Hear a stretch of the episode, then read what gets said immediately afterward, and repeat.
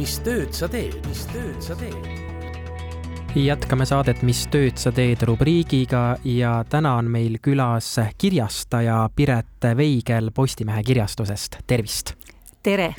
kas äh, nimetatakse teid pigem kirjastajaks või raamatu projektijuhiks, et kui raamatu sisse vaadata, siis seal on pigem projektijuht kirjas? Jah, see on niimoodi lihtsalt praegu välja kujunenud, ma arvan, et äh, pannakse iga raamatu sisse noh, projektijuht, et töö üldnimetus või protsessi nimetus on kirjastamine. aga kirjastaja kirjastab palju erinevaid raamatuid ja see, et äh, see on märge, on, on see, et just mina olen selle raamatuga tegelenud. aga kui me sellest kirjastamisest räägime, et no mis tööd see kirjastaja siis äh, teeb? Kirjastaja on ennustaja. ahhaa, ennustaja lausa. ja sellepärast, et me puutume oma töös kokku hästi paljude kirjastajatega ka mujalt maailmas ja loomulikult iga autorit ju huvitab see, et kas tema raamat müüb või ei müü, et kas ta saab edukaks või jääb see natukese varju. ja eh, maailma kirjastajad ei ole suutnud leida mitte kusagil sellist valemit, mis, mis, mis ütleks ära selle, et kas raamat lugeja leiab või leiab ta vähem lugejaid, et eks iga raamat leiab loomulikult endale vähemalt mõned lugejad, aga jah, et kas neid tuleb, kas neid tuleb rohkem, et see on alati üks väga suur küsimärk aga selle ennustamise puhul ma saan aru, et äh, praktilises mõttes väga oluline ülesanne selles töös on ennustada, et palju me siis neid raamatuid trükime, et mis see tiraaž on? no oleks see ainult nii lihtne, et jah, see, see, see lõpuks lõpeb nagu seal, et, et mis see trükiarv siis teha, aga tegelikult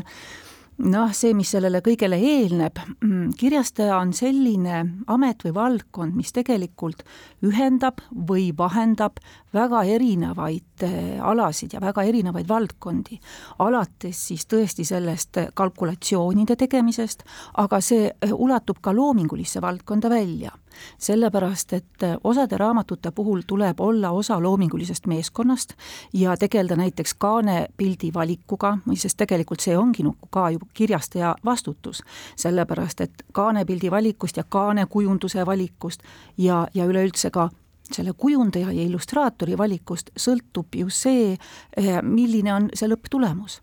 Ja sinna vahele mahuvad veel sellised valdkonnad nagu juriidika ja autoriõigused sellepärast et äh, raamatut ei saa välja anda, kui kirjastajal ei ole olemas selle raamatu autoriõigusi. Äh, kui ta ei ole sõlminud lepinguid ja äh, need lepingud oleks need ainult siis Eesti autoritega ja eestikeelsed, aga kui tegemist on tõlkeraamatuga, siis need lepingud on inglisekeelsed. kirjastamismaailmas on selline töökeel on inglise keel, aga see inglise keel võib maailmas võtta väga erinevaid vorme ja noh, neid lepinguid, mis siis meie töölauale jõuavad, neid on ka, on seinast seina nagu kirjuid koeri. et mõni on väga lihtne, aga mõni on väga keeruline ja siis veel üks valdkond loomulikult, mis mängu tuleb, on see, et kui meil ei ole tegemist pildiraamatuga, siis meil on seal raamatus tekst ja eh, kirjastaja eh, tegelikult eh, vastutab ka selle teksti kvaliteedi eest. sellepärast, et kirjastajal on mingis mõttes see esmane otsus, et kas see raamat väärib väljaandmist, kas see on kirjutatud äh, sellisel, sellisel tasemel, et lugeja sooviks seda lugeda ja kas see on tõlgitud sellisel tasemel, kui tegemist on tõlkeraamatuga ja kuidas on lood toimetamisega ja siis noh, üks asi on raamatu kujundamine ja kujundus, selline ilus väljanägemine, aga teine on ka selline väga tehniline pool, mis on raamatu küljendamine. sellepärast, et seal tulevad mängu sellised pisiasjad, et me ei saa iga eh, kirjatüüpi raamatusse panna, sellepärast et inimsilmale mõned kirjatüübid on raskemini loetavad, mõned kergemini loetavad ja siis äh, hea kirjastaja on see, kellel on olemas see oma, oma, oma oskusteave ja kes oskab sellistele asjadele tähelepanu pöörata, et kui eh, kujundaja ja küljendaja eh, sooviksid pakkuda lugejale midagi seniolematut, siis peab olema just see kirjastaja, see kontroll, kontrollfunktsioonis, kes, kes siis natukene palub järele mõelda, et kas see asi on, on lõpptulemus, kas see on ikkagi hea enne raamatu ilmumist, mitu korda te selle raamatu selles mõttes äh, läbi loete, kui palju selle tekstiga kirjastajal tegemist tuleb? tegelikult ma ei oska nüüd seda kõigi kirjastajate nimel rääkida.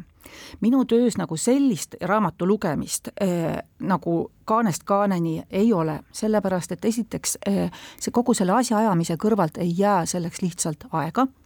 ja teiseks on see, et kui sa pead teksti puhul ja, ja kogu raamatu puhul, kui sa pead jälgima kogu aeg väga erinevaid asju ja olema nagu äh, heas mõttes kriitiline, siis sa ei saa lasta mõtet vabaks ja, ja, ja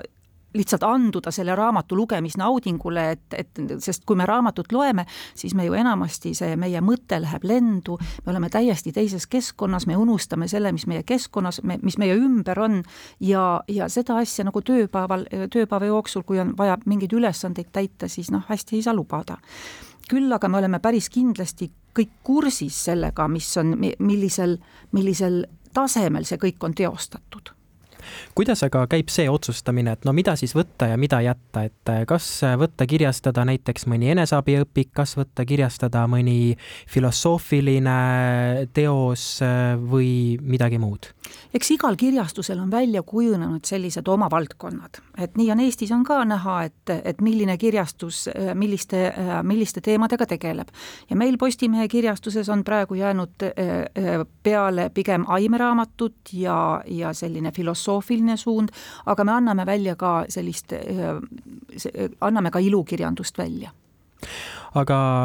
lõppude lõpuks äh, oluline on see, et äh, mida inimene ostab, et missuguse valiku ta siis näiteks raamatukaupluses äh, teeb, et äh, kuivõrd äh, olulist rolli see mängib nende otsustusprotsesside juures, et äh, mis on sellised menukamad teosed, kohe on näha, et no see valdkond läheb peale ja mis võib-olla ei ole menukad, aga samas noh, kultuurilises mõttes on väga olulised teosed. no just nimelt äh eks see, eks see kõik sõltub äh, kirjastuse võimalustest ja kirjastuse, äh, kirjastuse näost. et milliseks on iga kirjastus oma näo kujundanud. ja, mm, ja see, äh, ükskõik mis valdkonnaga on tegemist see on, peab olema alati professionaalselt teostatud, sellepärast et me ei saa ju piirata seda, et me anname nüüd välja ainult ühte tüüpi raamatuid või et noh, et me hakkame kedagi, kedagi nagu kõrvale lükkama või, või pahaks panema inimesed vajavad igasuguseid raamatuid, pole vahet, mis valdkonnast, mis teemal, sellepärast et äh, raamat on äh, midagi sellist, kus inimene leiab kas abi või nõu või, või oma puuduvat südamesoojust või natuke eskapismi või, või mingisugust õpetust. Ja, ja kõiki raamatuid on vaja, aga kirjastaja, professionaalse kirjastaja jaoks on oluline, et sõltumata selle valdkonnast, et ta oleks keeleliselt kvaliteetne ja et tema välimus oleks esteetiline et need on sellised väga olulised ja, ja no loomulikult, mm, kui küsimus oli see, et, et millist siis välja anda, et see, et see nagu ära tasuks, no vaata, see on nagu ma ütlesin, et see on üks suur ennustamine, et eh, kunagi ju ei tea, millise raamatu järgi on, eh, on parasjagu kõige rohkem soovi ja nõudlust ja vajadust. Tänapäeval kui me räägime eriti ka Eesti kontekstist, äh, hästi paljud annavad raamatuid ise välja, et äh, suuremate kirjastuste poole ei pöördugi. Äh, siit tekib küsimus, et missugune roll on sellisel suuremal kirjastusel, et kui võimalus on väga lihtsasti luua selline ühe-kahe raamatu kirjastus, mida Eestis on ju noh, väga palju, peaaegu et lugematul hulgal. jaa, see on täiesti õigus, Eestis on tohutult palju mikrokirjastusi noh, mis ma oskan öelda, et sellise mm, kirjastuse projektijuhina, kes ise tegeleb väga paljude valdkondadega, eh, siis eh, see asi on täiesti teostatav ja mõeldav, kui üks inimene on väga pädev väga mitmel alal. Sellepärast et eh, noh, nagu ma siin enne loetlesin kõike, et millest kõigest tuleb üht-teist teada, et kirjastajal nagu kirjastuse kirjastajal on see eelis, et meil on koostööpartnerid ja inimesed, kes tegelevad kõikide nende raamatu küljendamise ja kujundamise ja toimetamisega ja, mm, ja, ja, ja tõlkimisega. Ja kui keegi soovib äh, omal käel raamatut välja anda, siis noh, esiteks ta peab endale sellised koostööpartnerid leidma või ise kõik need tööd ära tegema, mis see tähendab omakorda seda, et tal ei ole teiseks asjaks eh, samal ajal aega, et kas ta teeb seda oma põhitöö kõrvalt, siis võtab see jälle väga palju aega. Ja noh, kui ta sellega ise põhitööna tegeleb, siis järelikult peab see olema nii tasuv, et ta sellest ära elab. Lõpetuseks, kuivõrd meil siin elu muutub üha digitaalsemaks, siis kas paberraamat jääb? Ma arvan, et jääb küll, päris kindlasti.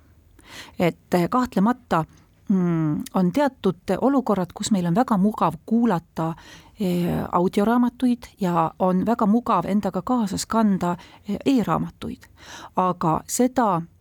see, see selline sõna nagu taktiilsus ehk eh, selline käegakatsutav tunnetuslikkus, et Eh, ma ei tea ühtegi tõelist raamatusõpra, kellel ei lööks silmad särama selle peale, kui talle öelda, kas sa, sa, sa, sa ju tead ka, sa ju armastad ka seda, et kui sa lööd selle värske raamatu lahti ja siis sa tunned seda, selle, selle värske raamatu esimest lõhna. et eh, noh, need on sellised elamuslikud hetked ja, ja ütleme nii, et see on kahtlemata eh, väga palju seotud inimeste elustiiliga ja valikutega, aga mm, sellist naudingut, nagu sa saad ka väga ilusa eh, illustreeritud raamatu puhul lehti keerates, seda paratamatult ükski digiraamat ju ei, ei võimalda. nii et mina usun, et paberraamat kindlasti jääb. Postimehe kirjastuse kirjastaja Piret Veigel, aitäh teile! aitäh, ilusat päeva! mis tööd sa teed, mis tööd sa teed?